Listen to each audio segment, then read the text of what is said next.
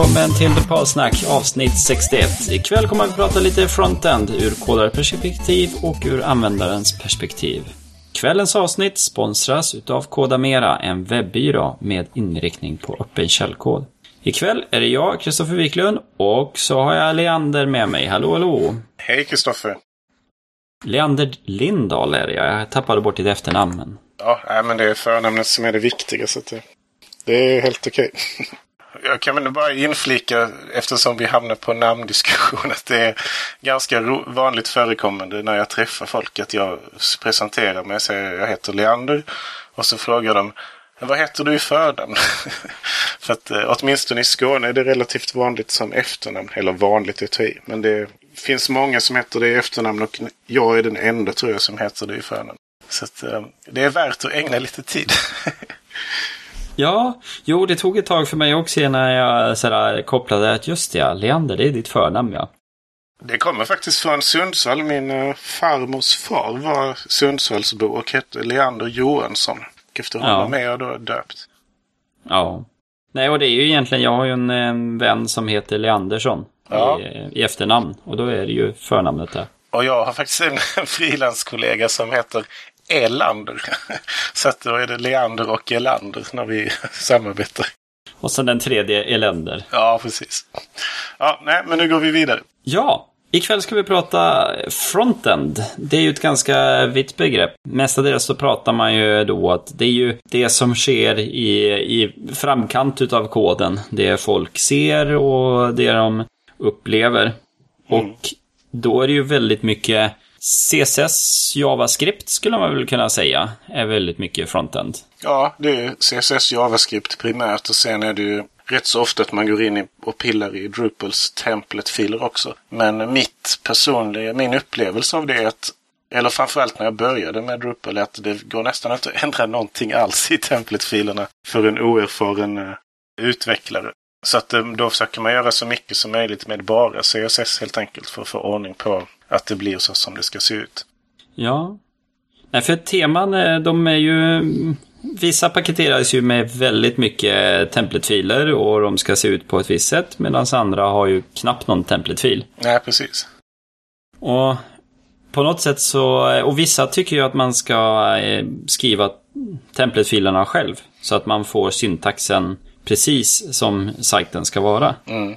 Nej, och där är ju, vi hade ju för något, eller ja, det är ett antal avsnitt sen nu, men det första jag var med i pratade vi, pratade vi om Display Suite och den är ju en bra brygga där, att man kan påverka ganska mycket med eh, klickningar i Display Suites interface då, att placera title, body och andra fält man har skapat i den ordningsföljd man vill ha dem och eh, också tilldela CSS-klasser som man sen då kan gestalta i CSS style sheetet.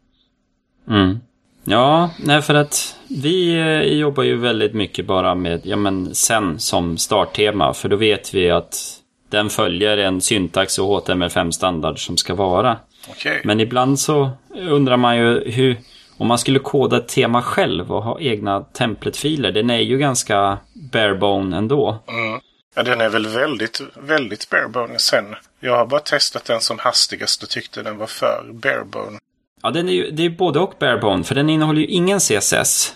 Så därför så ser den ju inte ut som något när man först får den. Och då måste man ju koda upp all CSS från början som den är. Ja. Men sen när man tittar på filerna, eller själva HTML som blir, så är det ju jättemycket divar. Mm. Och man har ju divar i divar och i divar och så. Och det har ju med fältens uppbyggnad i en nod. En nod har fält och fälten har ju eh, flera stycken eller en.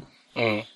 Och då blir det ju lite så här äh, olika rader och så. Och då, ja, den är ju inte så ren som om man skulle kodat själv. Nej, det är sant. Men det är intressant det där du säger att det finns ingen CSS alls. Och det förmodar att det finns många som uppskattar det. Men jag har alltid tyckt att det är eländes elände för att om man jobbar med ett pressat projekt där det inte finns så mycket tid att lägga då är det ju underbart tycker jag. Jag är en enormt stor fan av Bootstrap och eh, det har ju nästan blivit för framgångsrikt. Så att, eh, jag vet inte hur, hur man ska klara sig i framtiden. Det kommer väl att bli som Coops blåvita märke som fanns förr i tiden. Men det som jag gillar, gillat med Bootstrap är ju att man kan ändra de sakerna där man har en tydlig idé och liksom man vill lägga sitt krut och sen så kommer andra saker att se helt okej okay ut automatiskt. Och det är något som jag tyckte var väldigt, väldigt irriterande när jag satte igång med Drupal. Att man ofta fick sidor som man kanske inte hade eh, räknat med att de fanns och så, som dök upp så småningom när sajten användes som såg eh, fruktansvärt trista ut då för att det inte var någon styling alls. Det finns liksom ingen basic styling då i de här temana som är som sen. Däremot Bootstrap då, då kan man känna sig trygg att ett, en eh, inputruta ser hyfsad ut liksom automatiskt och så vidare. Så kan man lägga sin tid och energi på de saker man är intresserad av och sätta en viss knorr på det. Ja, nej, för jag har testat Bootstrap ibland. Eh, det jag har problemet med är att oftast har jag satt mig där jag har en färdig PSD-fil med en design som man ska implementera. Mm, mm. Och då känner jag ju oftast att Bootstrap är i vägen. Mm. För då ska man ju hitta de här... Eh, för då ska man ju sätta klasser för att få en styling. Mm. Och, då, och då måste man ju in någonstans och lägga på de där klasserna. Mm. Och olika delar hit och dit. Och det är väl det jag känner att jag inte alltid hittar in vars jag ska lägga till klasserna. För att ja, man kan göra en preprocessor hook där man lägger på klasser. Eller så ska man ju in i template-filerna och lägga på klasser. Hur brukar du göra kring sånt? Ja, Bootstrap är ju, tycker jag, i många lager eller när man lär sig eller när jag lärt mig Bootstrap så har det varit en process liksom där man börjar först hej jaha det här var ju härligt. Och sen upptäcker man jaha men det finns det här också och det här också. Så går man djupare och djupare och jag upplever att om man använder Bootstrap ofta så att man blir van vid hur allting hänger ihop så kan man ju påverka jättemycket i LESS eller SAS eh, grundpaketet som eh, Bootstrap är uppbyggt av. Så att du kan ju sätta då alla färger och du kan sätta eh, vad heter det, de här breakpointsen i media queries. Du kan sätta vidderna på kolumnerna, antalet kolumner. Man kan egentligen ställa in nästan allting i olika så här less-variabler då som påverkar utseendet. Så att jag upplever sällan att jag behöver lägga till egna klasser utan man kan gå in djupast in i botten av hela lässpaketet och ändra de, eller ja, Bootstrap-paketet och ändra variablerna och så. Men det är ju möjligt att, eh, att det du nämner är liksom andra, en annan problematik än jag tänkte mig nu när du sa det. Ja, men, men i så fall, det du brukar göra då, det är att du laddar ju ner eh, LESS-varianten eller SAS-varianten. Mm. Och sen går du in och ändrar den själv då. Så du är ju som hackar core om man ska säga i Drupal-synergi. Ja, det kan man tro. För det var så jag tänkte i början. Men sen har jag upptäckt att, och jag har inte studerat det här djupt utan jag har bara liksom lärt mig efter, efterhand som jag jobbat med LS. Men som jag uppfattar, eller med Bootstrap, som jag uppfattar det. Så, så finns det ett system för det också. Nämligen att Eh, Bootstrap består ju av då, vad kan det vara, 20-30 LESS-filer. Som alla importeras av en liksom generalfil eller vad man ska säga som oftast heter bootstrap.less eller SAS. Eh, men då finns det en fil oftast som hör ihop, som hänger med, som heter overrides och en som heter variables. Och i dem kan man då sätta sina just overrides och anpassningar av variabelvärdena som färger och bredder och breakpoints och sånt. Då är det bara de filerna man ändrar i och de är tänkta att ändras i. Så att de här grundfilerna för input, panel, tabs och alla de elementen som finns i Bootstrap, de eh, går man inte in och då hackar core i så att säga om man använder den liknelsen. Det finns ett system för det också som man kan använda. Och då när man sen behöver uppdatera Bootstrap så gör man det och behåller sin uh, variables och sin uh, overrides-fil. Så det är ju lite som när man... Det är lite som jag ett child-tema då om man ska jämföra med Drupals värld så att säga. Ja, nej, för oftast har jag ju tänkt att ja, men som ett rent eh, child-tema. Mm. Eh, att då, då har jag ju som färdigkompilerad eh, bootstrap och sen ska jag in och göra mina overrides. Så det är ju då man känner, jaha, då ska jag ändra färger. Mm, den kommer ju igen på typ sju ställen. Ja, det var ju så jag gjorde första gången när jag använde Bootstrap. Och kände att det var... Ja, det kändes ju konstigt att man får en enorm mängd CSS-kod i ett paket och sen så skriver man jättemycket CSS själv efter det för att liksom motverka det den gör. Liksom. Men om man använder det rätt så ska man kunna bara gå in och lägga till sina overrides i de här filerna och sen så när hela rasket kompileras så plockar då Lessel och SAS-kompilatorn de liksom översta värdena så de man själv har lagt till och gör det i det utkompilerade style-sheetet. Mm. Så det kan vara väldigt eh, nimt på det sättet. Men eh, jag tänkte på något nu när du pratade om eh, eh, Eh, det här med fronten generellt. Att, eh, ja, eh, det passar väl kanske inte riktigt in i det, det, här vi pratar om nu. Men jag är väldigt uppspelt över mina, mina utforskningar av Drupal 8 och hur pass bra ehm, det verkar fungera med editorn och så. Så att man kan göra så att redaktören får möjlighet att själv lägga till stilistiska saker som font och knappar som är designade och sånt där. Eh, och det brukar ju anses lite orent, åtminstone av många som jag har pratat med, att det ska de inte alls hålla på med, utan det sätter designern i projektets början. Men där kan man ju ändå inom ramen för designen ge varianter då på hur de kan... Man ska ju inte tillåta eller tillåta kan man göra, men det är kanske inte att rekommendera att en eh, redaktör kan välja mellan 20 fonter och absolut inte välja Comic Sans som är den hatade fonten per excellence. Men att om det nu ingår i designen att det finns två varianter att välja på så kan man eh, i det jag sett av Drupal 8 ganska lätt få till det med tilläggsplugins eh, till CK Editor.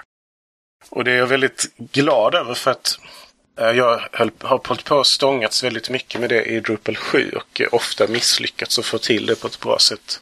Jag skrev faktiskt själv en sån här extra plugin till CK Editor som skulle ge möjlighet just för redaktören att infoga en sån här call to action-knapp. Och det fungerade men sen med tiden så tappade den på något sätt stinget och slutade fungera och sådär. Så det, det känns eh, väldigt positivt tycker jag. Att eh, Drupal 8 är väldigt front-end-vänligt om man ser det ur ett redaktörsperspektiv. Jo, och det, det känns ju som att den har ändå byggt vidare på sjuans steg i den riktningen. Mm, och ganska kraftigt också. Ja, och sen också med att temalagret har blivit ännu mer fristående, mm. själva databehandlingen, så har man ju tagit många steg där. Ja, verkligen. Och där är det ju, har det ju, det har ju blivit lite så annorlunda hur man läser in eh, CSS och JavaScript och sånt i mm. åttan jämfört med sjuan. Men eh, det jag, jag har sett är ju ändå att det känns ju ändå väldigt strukturerat. Mm. I, eh, ibland är det ett steg för mycket struktur kan man tycka. Men när, man bör, när projektet växer då känner man ju att ja, men det var nog bra att ha den där strukturen. Mm. Jo, det blir ju den här, det blir en upprepning på något sätt av den här klassiska illustrationen som de flesta inom Drupal-universum känner till om den här tröskeln att komma in i Drupal-världen där man faller ut för ett stup. Eller inlärningskurvan då. Eh, det blir ju verkligen ännu mer så med det här nya templating-systemet med Twig och man kan knappt skriva någonting alls i sina Twig-filer utan det ska processas eller det ska skickas in då en array med objekt eh, och värden och sånt in i Twig-templaten som man har då planerat, eller vad man ska säga, från kod, alltså från eh, en modul eller vad det nu kommer från. Eh, för att de överhuvudtaget ska få lov att skrivas ut där.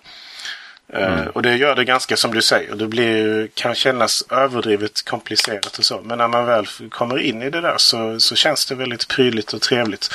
Och jag är ju väldigt förtjust i jag har inte gjort något helt projekt i 8 än utan bara lekt lite med det. Men det känns ju väldigt eh, härligt att det finns inbyggd möjlighet till logik i det här Twig.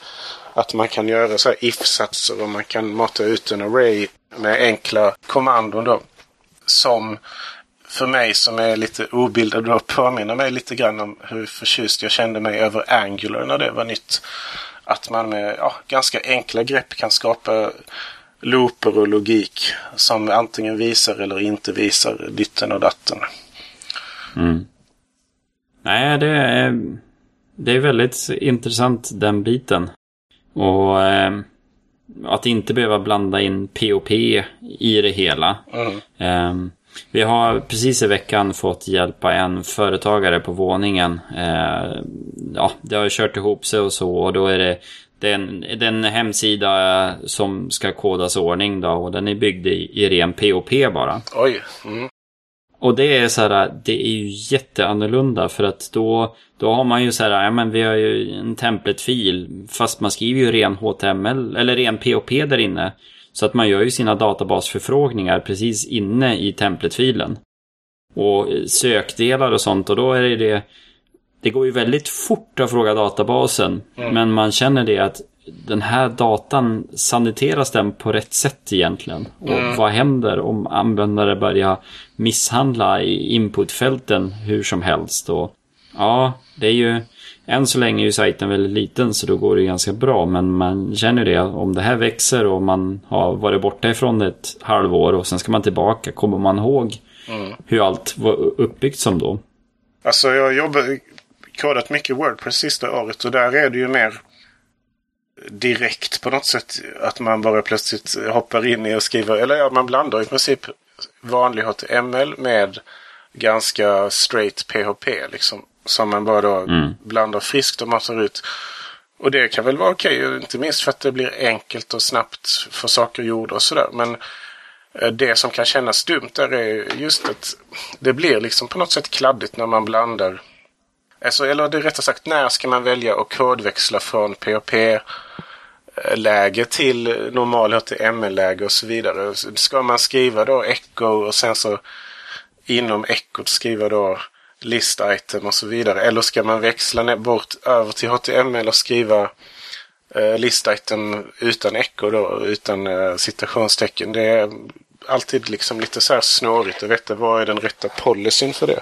Och inom då mm. Wordpress till exempel så är ju många sådana här plugins och teman och så som jag sett där gör de ju en kodväxling. Till exempel mitt i en if-sats kan det vara så här if det här kriteriet är uppfyllt och sen avslutas POP och så kommer det ett långt sjok HTML. Och sen så kommer else och så någonting annat och sen endif. Och det, mm. det känns konstigt ändå tycker jag. Hoppa sådär fram och tillbaka hela tiden. Och då är ju det här med Twig. Eh, känns ju bra för då är det ju att man bara helt enkelt skriver de här måsvingarna. Sen skriver namnet mm. på den variabel man vill skriva ut. Och så, så att man är... Visst, man växlar mellan HTML och Twigs, eh, vad ska man kalla det, styrtecken då.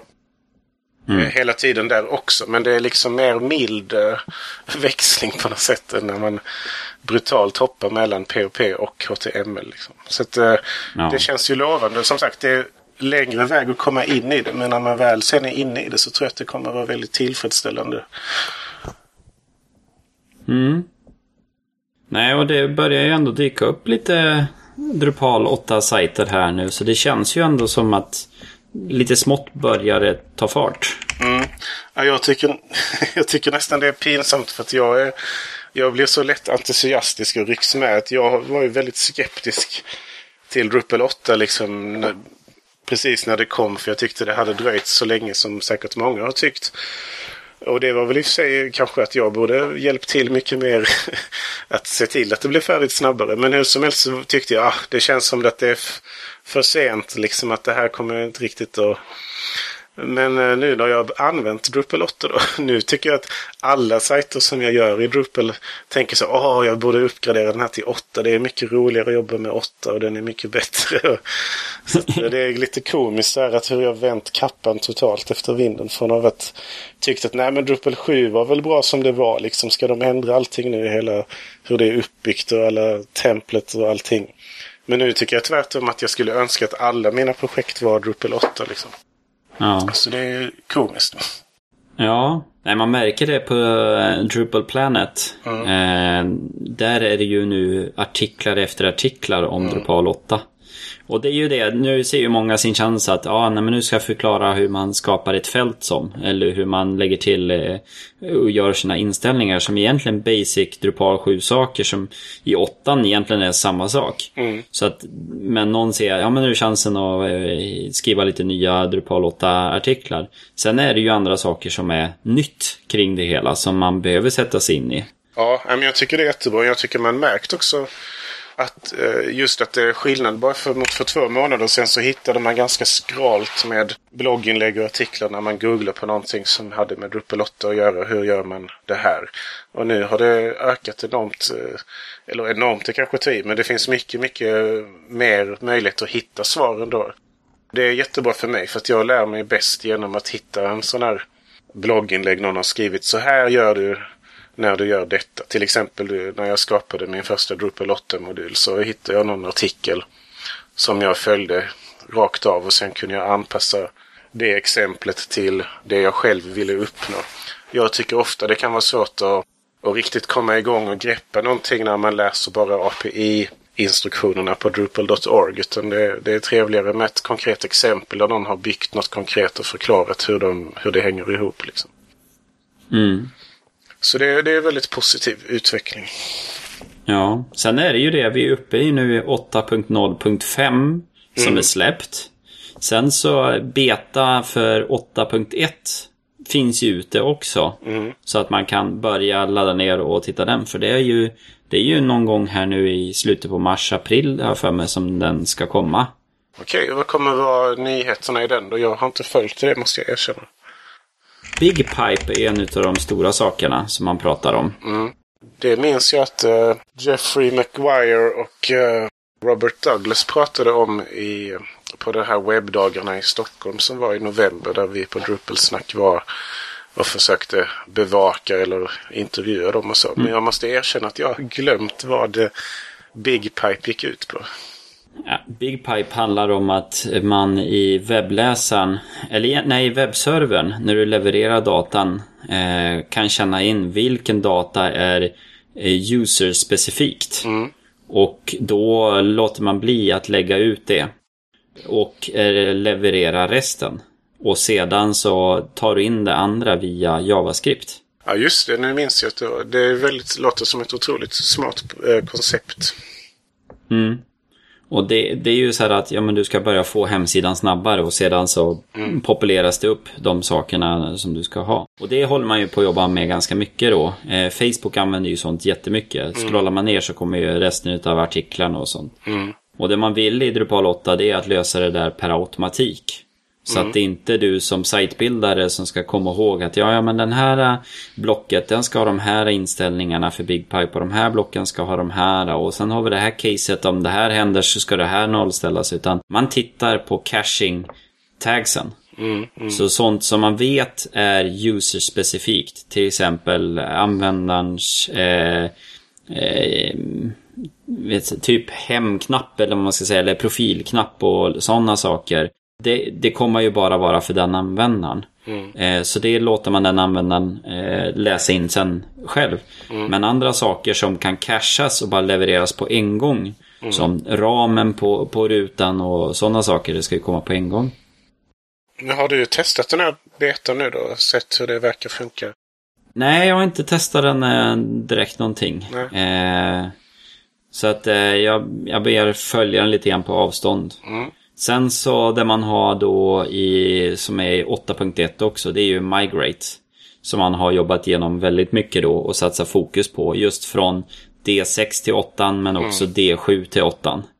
Eh, så att man har, eh, man bara pekar det här är min gamla databas mm. och sedan så känner du utav, ja ja men det här hade du dina här content type, ja men ska du ha liknande här på nya sajten? Mm. Och eh, här hade de här den här datan och de här sakerna, eh, de här användarna och lite sånt. Och eh, det ska bara flyttas över då.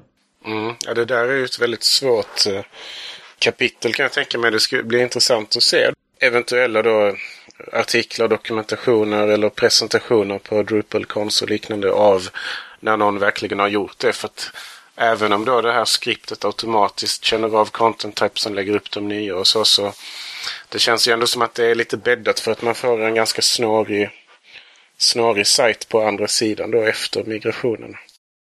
Mm. Så, så, det blir intressant att se praktiska tillämpningar av det.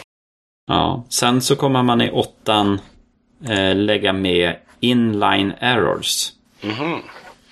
Så det betyder att när du får ett formulärfel, så istället för att det listas längst där uppe och sen måste man scrolla ner och vars det är rött, Mm. så kommer du få det felmeddelande precis där det fältet är. Ja, just det. Ja, men det låter verkligen bra. Det finns ju med det här inline... Vad tusan heter den? Ja, den heter något sånt där. Inline form errors eller något sånt där. Mm. Och client-side validation på eh, Drupal 7 då. Så det blir, blir det alltså en del av Core då, att den eh, lägger det i anslutning till det fältet då. Mm. Mm, det låter ju väldigt bra. Så att eh, det håller man på att jobba för, för 8.1 ja. Jag är överraskad över hur pass mycket positiva saker som hänt i frontend-lagret i Drupal 8. För att när jag följde liksom utvecklingen och diskussionerna och så, så har det ju varit det man det som något sipprat fram till mig som jag har lagt märke till har hela tiden varit allt prat om Symphony och Twig. Och Twig är ju bara en teknisk eh, sak för de som ska sitta och koda det. Och ja, hela, ja det, vad heter det, det här deployment-initiativet. Jag glömmer alltid ordet för det. Ja, CMI. Ja, Configuration Management Initiative. Det är liksom det som varit fokus på och det är väldigt bra grejer alla de. Men, men nu i praktiken när jag använder 8 så tycker jag det finns väldigt mycket bra grejer i frontend-lagret som, eh, som inte jag uppsnappat att det skulle bli sådana förändringar. Vilket vid min då ganska ytliga bekantskap ändå. Men att det känns som att man ändå börjar, när det gäller usability-grejerna så hamnar man ändå ganska nära de sakerna som är uppskattade i, i Wordpress. Inte minst, det, jag tror jag nämnde det förra gången jag var med i podcasten. Eh, jag är väldigt fascinerad över att blocken nu är, fungerar på samma sätt som widgets gör i, i uh, Wordpress. Näm- Nämligen att om du skapar ett block eller alltså som kodare skapar man en modul som ger möjligheten att lägga in ett block. Eh, då är det blocket replikerbart hur många gånger som helst i olika instanser. Eh, Medan i Drupal 7 så fanns det inte riktigt någon bra lösning på det. Att om man gjorde en custom modul som tillät någon att lägga in ett visst block som hade vissa fält och viss formatering och så vidare så var det e- en gång ett block som kunde sättas på ett ställe och sen aldrig mer liksom. Eh, och där var, tyckte jag Wordpress är ju betydligt bättre då. Att man skapar en modell för ett block och sen kan den modellen kopieras eller ja, instansieras ett antal gånger. Och det är ju så nu i Drupal 8 vilket är väldigt bra. För det är just om man tänker frontend med den definitionen du sa när vi satte igång podcasten. Eh, nämligen att hur det upplevs både för den som sitter och ska koda det men också den som ska använda sajten, det vill säga redaktörsanvändaren. Så är det ett, tycker jag, har alltid varit ett stort behov av att kunna ge en redaktör möjligheten att ja, men vill du ha en sån här ruta där med de här grejerna, då kan du bara lägga till ett block där och sen så nästa gång du vill ha en sån ruta så gör du samma sak igen och så vidare. Så att jag tycker det är en jättestor usability improvement i det tysta. Som inte jag alls hade uppsnappat innan jag verkligen satt och använde Drupal 8. Ja, nej, det, det har ju varit en väldigt så här, diskret sak som bara har kommit och som man först nu börjar inse vidden av möjligheter kring det hela. Mm. Och där känns det ju som att de som varit engagerade i att bestämma att det ska vara så eh, ändå har sneglat ganska friskt på Wordpress faktiskt. Mm. Jag tror jag läste någon artikel förra veckan om Drupal och Wordpress och så vidare. Och där var någon som skrev, tyvärr minns jag inte alls vem och var och så, men det var någon som skrev att eh, om någon som är engagerad i Drupal hör att en eh, utvecklare väljer bort Drupal och använder Wordpress istället när de ska bygga en mindre sajt, en portfoliosajt eller eh, en enkel företagssida. Då kommer de inte att bli ledsna. Eh, och det beror på att Drupal nu inriktar sig mer på Enterprise level sammanhang. Alltså stora sajter, komplexa sajter. Och det stämmer väl ganska bra. Mm. är mitt intryck. Och det, Eh, nu kanske jag trampar någon på tårna här men det är väl så upplever jag som Acqui och, och Dries då har valt att styra det till utan att riktigt vilja säga det. Jag ställde ju faktiskt den frågan till eh, Jam och Robert när jag intervjuade dem i Stockholm. Och då sa de så nej, nej, nej, Drupal passar till alla och så vidare. Men när man läser det som står på Drupal.org så står det att det är inriktat på Enterprise. Eh, det står något sånt, is a software for Enterprise websites, bla bla bla. Ja. Men så, så att därför är jag överraskad. Anledningen att jag gick in på hela den här långa rangen nu är att jag är överraskad att eh, de har ändå tagit in så mycket av de här usability-grejerna från Wordpress. Och det är ju jättebra. För att det är sånt som jag verkligen uppskattar och som jag tror kommer underlätta för Drupal att fortsätta vara relevant. Mm. Ja, det som saknas i Drupal 8, eh, det är ju en bra mediehantering. Mm. Vi satt ju och byggde några sajter och det är ju så här allt ifrån inline-bilder som får en, en hårdkodad URL. Mm. Så när man bytte sajtställe eh, och lite sånt så då föll den inte med som det skulle. Eh, det är ju sånt som man känner att där behöver man jobba lite grann. Och det vet jag att de i mediateamet håller på med. Mm. Eh, det, man, man hamnade ju i, i ett litet vakuum där i media-teamet. för man hade skald och man hade media som höll på att jobba och man visste mm. inte vem som skulle göra vad och vilken struktur och så. Så att man har väl nu hamnat i att ja, men nu vet vi vad vi vill göra. Det kommer att bli jättemånga moduler där eh, där du kan välja in vilken mediehantering som du tycker passar dig eller vilken kombination passar dig. Mm. För det, det, är ju inte alla som vill ha en, en media library som Nej. du väljer mediebilder ifrån. Nej. Men för andra är det ju eh, måste för att man har det hela och, och vissa ska ju tagga upp då de bilderna medan andra bara vill kunna ha något att bara peka ifrån. Mm. Nej, det, det har ju verkligen varit en akilleshäl tycker jag hela tiden. Och det är väl nu när du nämner det så inser jag att det, det var ju ett av skälen till att jag kände mig eh, liksom lite negativ då till Drupal 8. Att de, det var fortfarande inte löst. Eh, och jag tyckte ända från att Drupal 7 släpptes när jag kom in i Drupal-världen att det var liksom högsta prioritet att få till en vettig mediehantering. Och det, den här Media Module som jag brukar använda den är ju nu har jag inte kollat, men den är väl nästan fortfarande så i alfa eller något sånt där. Så att det kanske ja. att den kommer till beta nu. Men eh, men det, ja, det är verkligen varit väldigt sorgligt tycker jag att, att, uh, att det inte prioriterats högre bland de som mm. besitter den förmågan att koda ihop något riktigt bra där. Tyvärr känner jag mig inte riktigt tillräckligt duktig. Jag var inne och tittade på modulen faktiskt för att se om jag kunde chip in liksom och, och hjälpa till för att driva det framåt. Men kände att det var lite lite för abstrakt nivå på hela alltet där. Ja, det är ju, det är ju väldigt komplicerat just det med mm, media. Mm, mm. Det, är ju, det finns ju så många specialfall och det ska fungera på så många olika enheter och så. Mm. Så att, eh, ja det är inte ett lätt bekymmer att lösa. Nej, verkligen inte. Men det låter då på det du sa som att det finns, eh, att det är lite på gång nu i varje fall, att de ska jobba intensivare med det.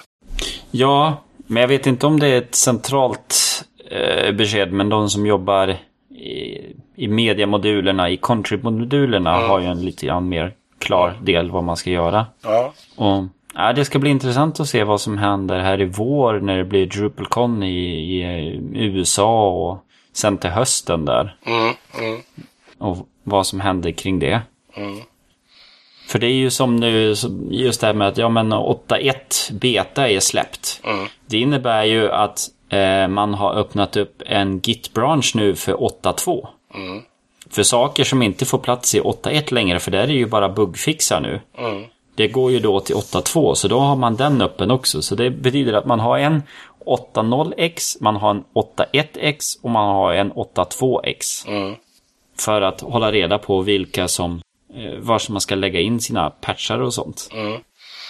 Ja, nej men det känns bra. Eh, att höra dig säga det. För att det, det är bevis på det som skulle bli skillnaden nu. Att man inte längre ska satsa på de här gigantiska uppgraderingarna eller upp ja, eh, versions liksom då som tar fem år i stöten. Utan att man tar det här mm. lite mer gradvis. Som jag tror är riktigt bra att göra. Så det är kul att höra. Mm. Ja, nej men vi får ju se. Jag läste ju nu här också just det med DrupalCon som var i Indien där. Mm. Det var ju tusen personer där och lite statistik här var att 82% av de som var där hade aldrig varit på en DrupalCon tidigare. Ja, mm. Så var det, det var deras första DrupalCon. Så att... Ja, det är kul att se. Jag har varit inne i issue-köerna gångna veckan ganska mycket. Eh, och tidigare har jag varit inne rätt så sällan måste jag erkänna. Men man ser ju där att det är otroligt många människor som verkar vara från Indien eller länder omkring Indien. Så att det här om att det växer i Asien verkar verkligen stämma. Mm. Så det är spännande att se. Och nu var det också den här omröstningen till, uh, vad tusan hette det? Jag ska säga, det ligger uppe här på drupal.org. Uh, ja, director, ja, director at large. Där var ett par kandidater från Indien också. Och jag röstade faktiskt, kan jag avslöja. Det kanske är lite ofint. Man ska inte avslöja. Det är ju röst, vad heter det, valhemligheten. Eh, men jag röstade faktiskt på en eh, kvinna från Indien där. Shyamala. Ja. För att jag tänkte det kan nog säkert vara bra inflöde mm. till association. Har du röstat? Du behöver inte avslöja vad du röstar på, men har du varit inne och röstat? Jo, jo, men jag var inne och röstade. Jag försökte få mina kollegor att rösta där också. Mm. Det, är ju, det är ju det att det görs ju, på ett sätt görs det ju mycket reklam, men på ett sätt så känns det som att det inte görs någon reklam. Nej. Men eh, det är ju inte egentligen en... Det är ju association och de bedriver ju inte aktivt kodval och så. Så det är ju inte så att man röstar om vilken Drupal-version man ska ha nej, eller så. Nej. Utan det är ju bidelar och man brukar ju ligga på någonstans runt 1% utav användarna på drupal.org som mm. röstar. Mm. Sen så tycker jag ändå om det röstningsförfarandet man har med de här alternative voting eller vad det heter. Där man sätter en man sätter 1 till 10 i placering på folk. Mm, mm. Och utifrån det så viktas ens röster. Mm. Jo, så att man får det majoriteten tycker är, är okej. Okay. Mm, ja, det är väldigt sympatiskt. Ja, nej, det har ju varit svårt att missa gångna veckorna att, att de har omröstningen om man jobbar med Drupal eftersom det ligger en jättestor grön, eller stor, men en, över hela bredden av sidan ligger det en sån här rösta nu mm. på alla sidor på hela Drupal.org i princip. Ja.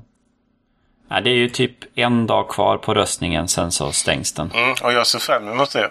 För att jag vill få bort den här gröna balken som stör mig. Ja, jo, den var, den var stor. Mm, jo, de är lite mer aktiva nu generellt med att lägga in sådana här budskap och grejer. Eh, det var ju någon artikel på Drupal Planet om att eh, de, de har eh, liksom gått igenom, ja, själva hur ska Drupal.org vara organiserad i olika sections och kring teman och så istället för innehållstyper. Och då, mm. enligt, jag skummade bara den artikeln lite hastigt, men där verkar det vara så att de har valt att börja med det, den delen som heter about när man är på, eller ja, nej. Det var i alla fall Associations eh, sidor som de har börjat gör, strukturera om då. Eh, så att de mm. verkar väldigt aktiva i att fundera kring hur de ska använda Drupal.org liksom och förändra den. Och det märker man ju tycker jag. Jag tycker den har eh, ändrat karaktär sista året ganska mycket. Mm. Eller, mycket är väl att ta i, men att man, det dyker upp just de här budskapen eh, som inte man sett tidigare. Om att nu är det detta som du bör ta ställning till eller göra eller donera till eller bidra och så vidare. Mm. Nej, jag tycker ändå det är väldigt bra. Jag tycker det är intressant att läsa de här eh, bloggdelarna de skriver, typ What's new on Drupal.org, där man får läsa saker som, ja men, Drupal 6 End of Life och Composer Support för Drupal. Att har man projekt med Composer så gör de det på serversidan. Mm. Istället för att du ska committa in det hela och så. så att, mm, mm. Och där är ju en ganska stor del också nu eh, att Drupal 8 kommer ju inte längre eh, skicka med vendorkatalogen när du kör Git. Mm. Utan då förväntas du att köra en Composer eh, install. Mm. För, att, för att få det senaste. Eh, men om du laddar ner tar-filen eller zip-filen från drupal.org, då kommer du få med det, för då har de packat med det hela. Mm. Men kör du Git så är det du själv som ska eh, uppdatera det hela då. Ja, ja. Ja, det är en liten utmaning att vänja sig i ett nytt arbetsflöde där då. Ja. Men de hade ju lite problem för att du hämtar ju dina kodbibliotek eh, då från GitHub. Allt mm. ifrån de här, eh, vad heter de här projekten? Ja men Symfony och alla de där eh, ja, extra projekten. Mm. De ligger ju på GitHub. Mm. Så då när du kör en Composer update så kommer den ladda ner den från eh, GitHub. Eh, och då använder man en API-tjänst för att se vilken download-länk man skulle ha. Mm. Och den, eh, den har visst en begränsning på hur mycket man får ladda ner per minut. Aha. Och det slog i taket när man laddade ner Drupal. Så då var man tvungen att ange en token från sin inloggade användare. Mm. Att man så här providar det. Och det har ju varit som en showstopper att nej, men det kan inte Drupal kräva. Så det är därför man har skickat med vendor-katalogen i Git. Men nu har GitHub visst ändrat om det hela så att man får ladda ner alltihop. Jaha. Ja, det låter ju lite jobbigt. jag tycker det är så skönt att ladda ner. Eh, eller i och för sig, jag brukar ju ladda ner eh, den här tar GZ versionen av Drupal när jag ska uppdatera systemet. Och det beror helt enkelt på att eh, Drupal skriver över, alltså om man kör Drush och kör, eh, mm. jag kommer inte ihåg kommandot, men det är väl typ Drush Core Update eller något sånt. Ja, Drush Up Drupal har jag för mig. Ja, just det, så är det. Uh, vilket jag har gjort ett par gånger och varit glad i hagen. Men då har min, min egen Git uh, och Git Ignore försvunnit ur projektet. För jag brukar ha det i, i sajtens rot helt enkelt. Ja. Men där får man väl hitta nya arbetsmetoder helt enkelt. Ja.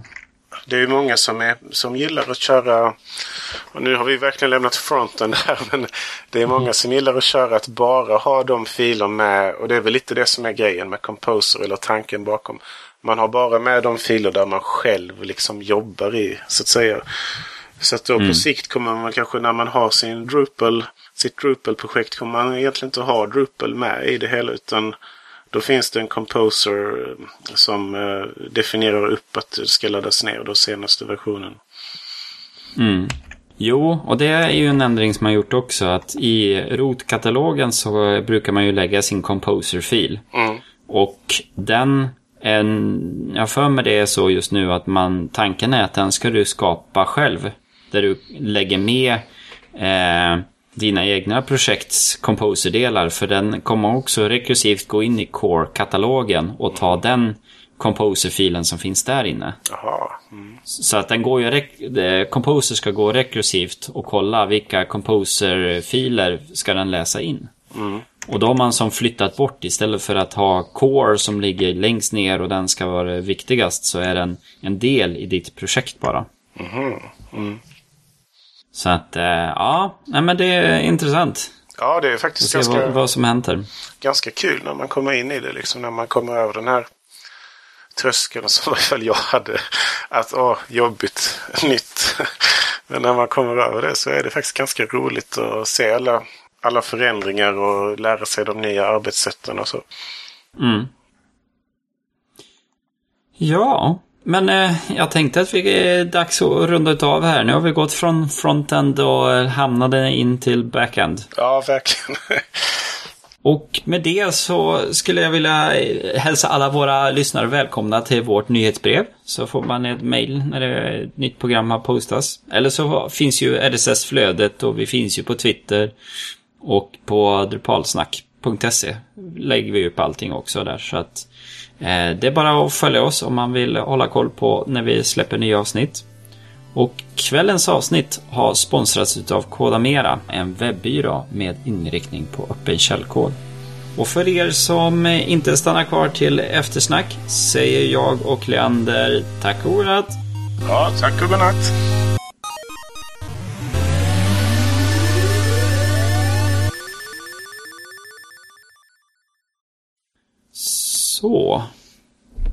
Då är vi inne i eftersnacket igen. Yes.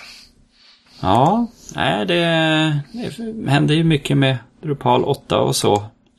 Samtidigt så känns det ju som att Drupal 7 eh, har ju också mycket att ge. Man känner ju att där, eh, ja, där kan man koda en hel del.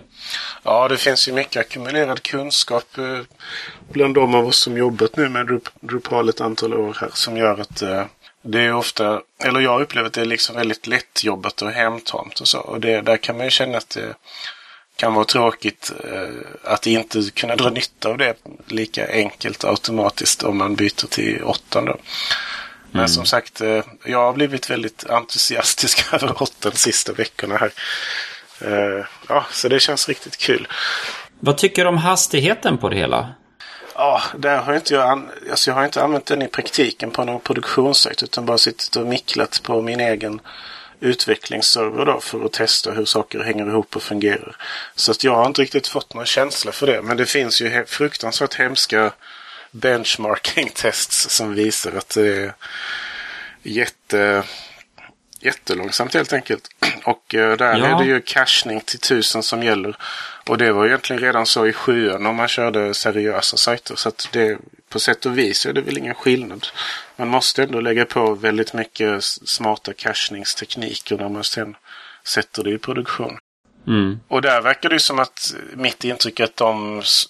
Så jag har ju som sagt följt projektet väldigt dåligt under tiden som Drupal 8 vuxit fram. Så jag vet ju inte vilka turer som varit och vem som haft vilket inflytande och sådär.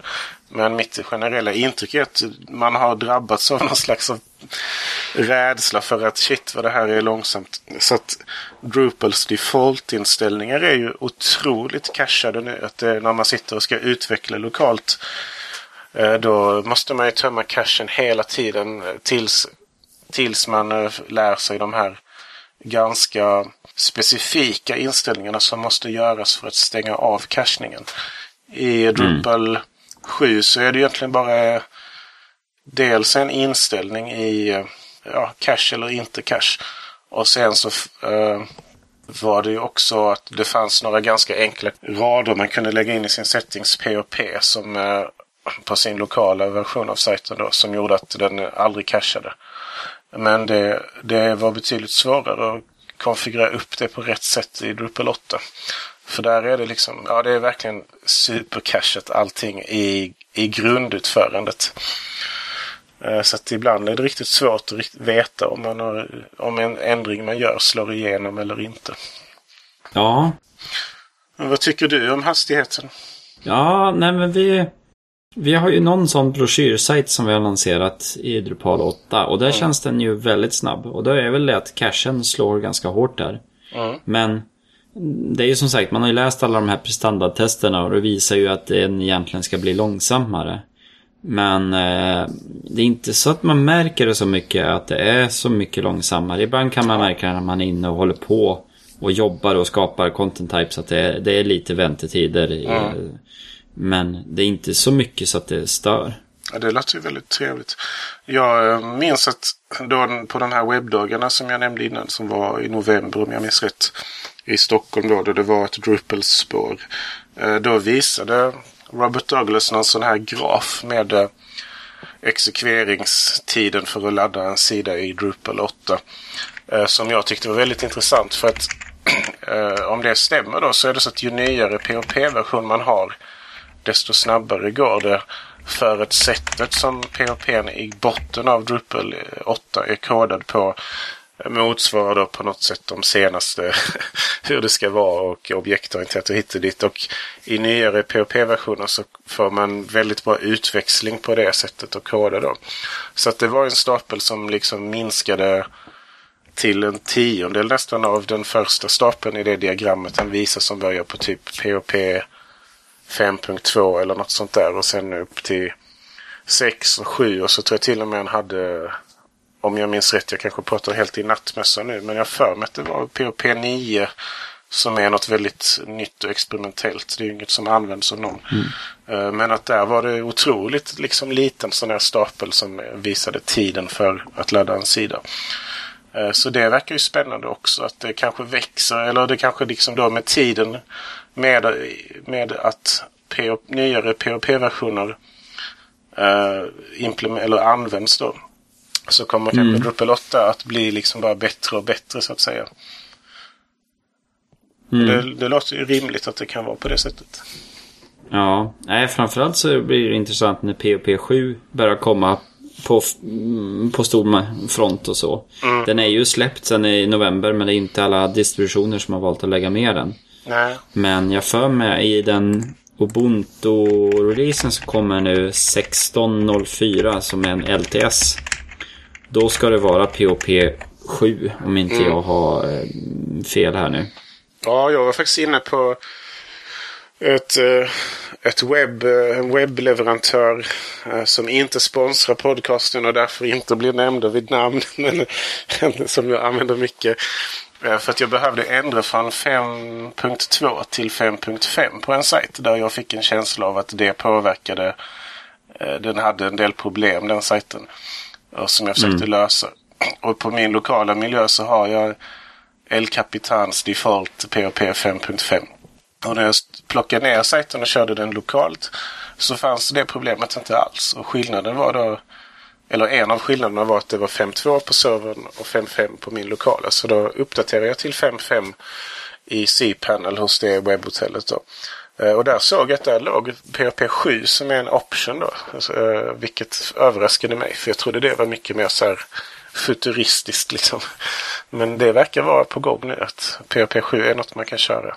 Ja. Nej, Aquia de har gått ut här nu till sina Enterprise-kunder att de kommer att gå över till POP 5.6. Mm -hmm, På alla sina produktionsmaskiner. Mm. Och det, de ska ju vara mer eller mindre kompatibla. Det är några funktioner till som har blivit deprecated. Mm. Men eh, den har ju inte någon mycket prestandardförbättringar. Mm. Eh, det är ju inte som sjuan, men det är ju så här. Där börjar man ju trycka på nya revisionsnummer också. Mm. Mm. Eh, och, och Aqua har ju inte få sajter, de har ju ganska många hos sig. Så att ja. Tycker de att 5.6 är någonting som ska köra, då kan man faktiskt gå upp till det också. Mm, jo, det är kul. Just de, de liksom djupt liggande faktorerna i en webbsida. Eller jag tycker i alla fall PHP är ganska djupt liggande faktor. Eh, mm. När man sitter själv och kodar så lägger man inte så mycket tid på serverkonfiguration i allmänhet. Eller inte jag i alla fall. Uh, men det är kul när man märker att de sakerna liksom kan påverka ganska konkret hur en sajt mår och beter sig och så. Så att PHP 7, yeah! Mm. Ja. Nej, jag satt och googlade lite grann sådana här prestandardgrafer och sånt där. Mm. Men äh, ja, men det är ju problemet är ju också att i Drupal 8 har du mycket mer eh, moduler eh, aktiverade och installerade som standard. Du har ju mm. Use Me och lite sånt så att det är lite har svårt att hitta bra jämförelser utan det är ju det är väl den här upplevelsen som man får ta och titta på och fundera. Mm. Ja, det är intressant det där med Robert Douglas diagram var att det gällde ju egentligen bara Drupal 8 då. I olika POP-versioner och där var det ju väldigt slående hur den stapeln eh, krympte drastiskt för varje snäpp nyare POP som den hade körts på. Sen vet inte jag hur pass vederhäftig den där testen var. Men det var väldigt liksom eh, slagkraftig graf han visade där. Mm. Ja, Nej, vi hade en, en sajt här nu där vi Eh, det jobbar ganska mycket med data. Eh, vi har en, eh, vad är det? Ja, det är väl någon 30 000 noder i, i en eh, tabell. Mm. Och, eh, och det vill vi gå igenom och matcha lite grann. Mm. Eh, och vi slår mot den där och gör rapporter på den framförallt. Att man så här, eh, och då ställer vi ju med DB-släktfrågor och lite sånt. Sen hittar vi en modul som heter Field Indexes. Aha. Eller eh, bara filindex. Den, det är en modul som eh, skapar entities för själva index på eh, tabellfält. Eller Aha. tabellkolumner. Aha. Eh, så då kunde vi indexera för vi matchade ganska mycket rapporter mot ett textfält. Mm. Att man typ grupperade på dem eller man slog på dem. Och det är ju, har man inte indexerat dem är det ju väldigt segt. Mm. Så då kunde vi lägga på eh, index på dem då med den här modulen. Och vi fick ju någon 20-30 gånger snabbare sidladdning. Wow. Så ifrån, ja det var verkligen så här, vi gick ifrån 5 sekunder till eh, en halv sekund eller något mm. sånt. Mm.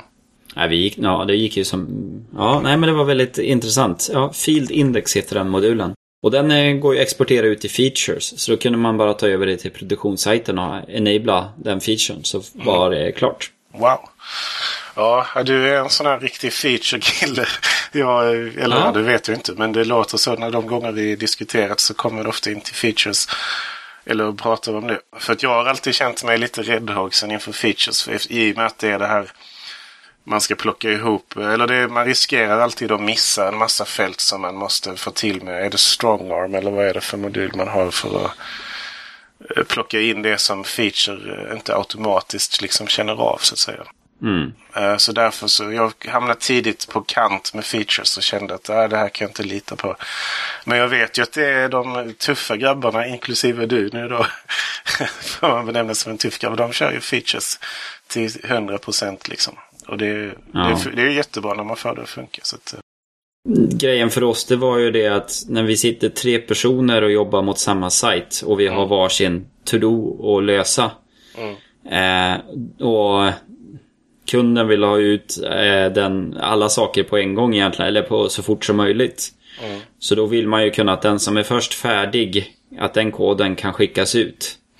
Eh, och de andra eh, kanske man behöver bolla något mer eller man behöver dubbelkolla. Ja men ser det här bra ut? Eller hur hade ni tänkt att datan ska visas här? Mm. Så då vill man ju ha parallella spår och då då är det ju bara features som egentligen kan hantera det hela. Mm. Alternativt är att man ska skriva ett eget manuellt protokoll som man måste följa. Men där kommer vi återigen in då på Drupal 8 för där ska ju väl uh, Configuration Management-initiativet uh, lösa allt det där, eller? Ja. Det blir jo. kul att testa i praktiken. Jag har inte kommit så långt än att jag haft ett sånt use case eller en sån situation där jag liksom deployat konfiguration via repot då. Men uh, har, du, har du haft tillfälle att testa det? Ja, lite grann. Vi har väl inte använt allt för mycket skarpt. Mm. Men vi har gjort tester på det hela och hur det funkar med Git och de bitarna. Mm. Och vad som händer och inte händer. Så att eh, hittills verkar det funka väldigt bra vad vi har testat. Men är det liksom på, på den nivån att om du går in typ i site settings och ändrar eh, devisen eller vad det kallas slogan. Eh, så kommer det att komma med ner i koden sen eller? Ja. Mm. Eh, för då exporterar man ut sin konfiguration till filerna. Och då, då har det blivit en filändring med det namnet. Mm, mm.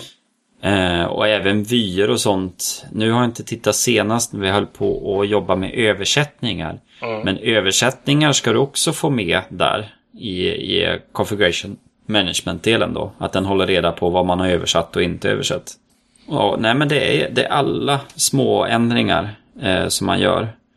Eh, det ska bli intressant att se hur man löser merging mm, konflikter och sånt. Ja, jag satt precis och tänkte på det också. Att det kan ju bädda för en del problem där om du producerar så många konfigurationsfiler.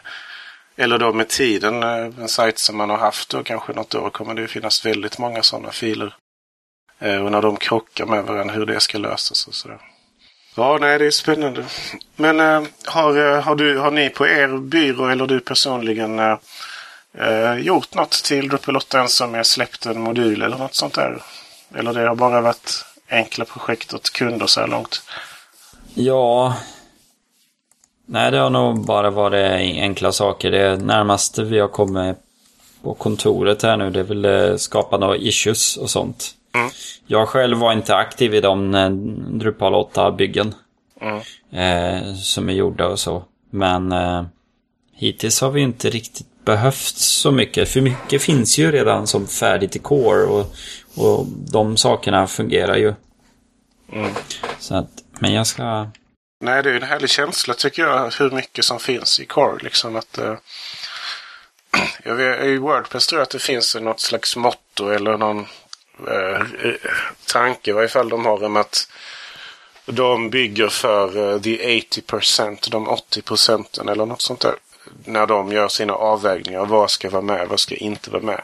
Och där har ju Drupal varit eh, lite tvärtom. Att, eh, och kanske fortfarande är det, vet jag inte. Men eh, att vi bygger för the 20% eller vi bygger för 0% och sen ska alla ta sin legokista och bygga ihop. Det har jag ju hört många gånger nämnas på olika mm. Drupal-konst så att det är det är inte en svaghet utan en styrka att Drupal är så pass ofärdigt och så.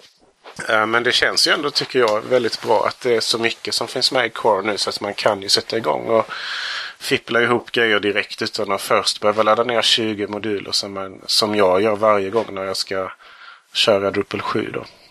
Mm. Så där kanske det också smugit sig in någon slags förändring i hur man tänker eh, bland de som har eh, stort inflytande över det hela. Ja, jag var och kollade här nu. Vi... Det är någon issue vi har varit inne och jobbat med här. För mm. bilderna och så. Det här med media som du pratade om innan eller? Ja. Mm. Eller nej, det var andra mediehantering. Eller inte... Vi ska se här, det var... Ja, där hade vi en patch som är upplagd. Det var det för highlightning utav form checkboxes and radio input. Mm. Så att, eh, ja, nej men det är ändå skoj när det händer saker och ting. Mm, verkligen. Ja, men nu börjar klockan rinna iväg också för ja. eftersnacket här nu. Ja, det får man säga. Så att, ja, tror vi nöjer oss här och sen så får vi höras igen om två veckor. Ja, precis. Vi får önska våra lyssnare eh, fortsatt mycket Drupal-nöje fram tills dess. Ja. Och så får vi se var Drupal 8 har tagit vägen då. Ja, just Kanske det. vi har en beta ute. Ja, eller en 8.1 eh, skarp. Mm, precis. Du får ha en trevlig kväll. Ja, detsamma. Hej. Hej, hej.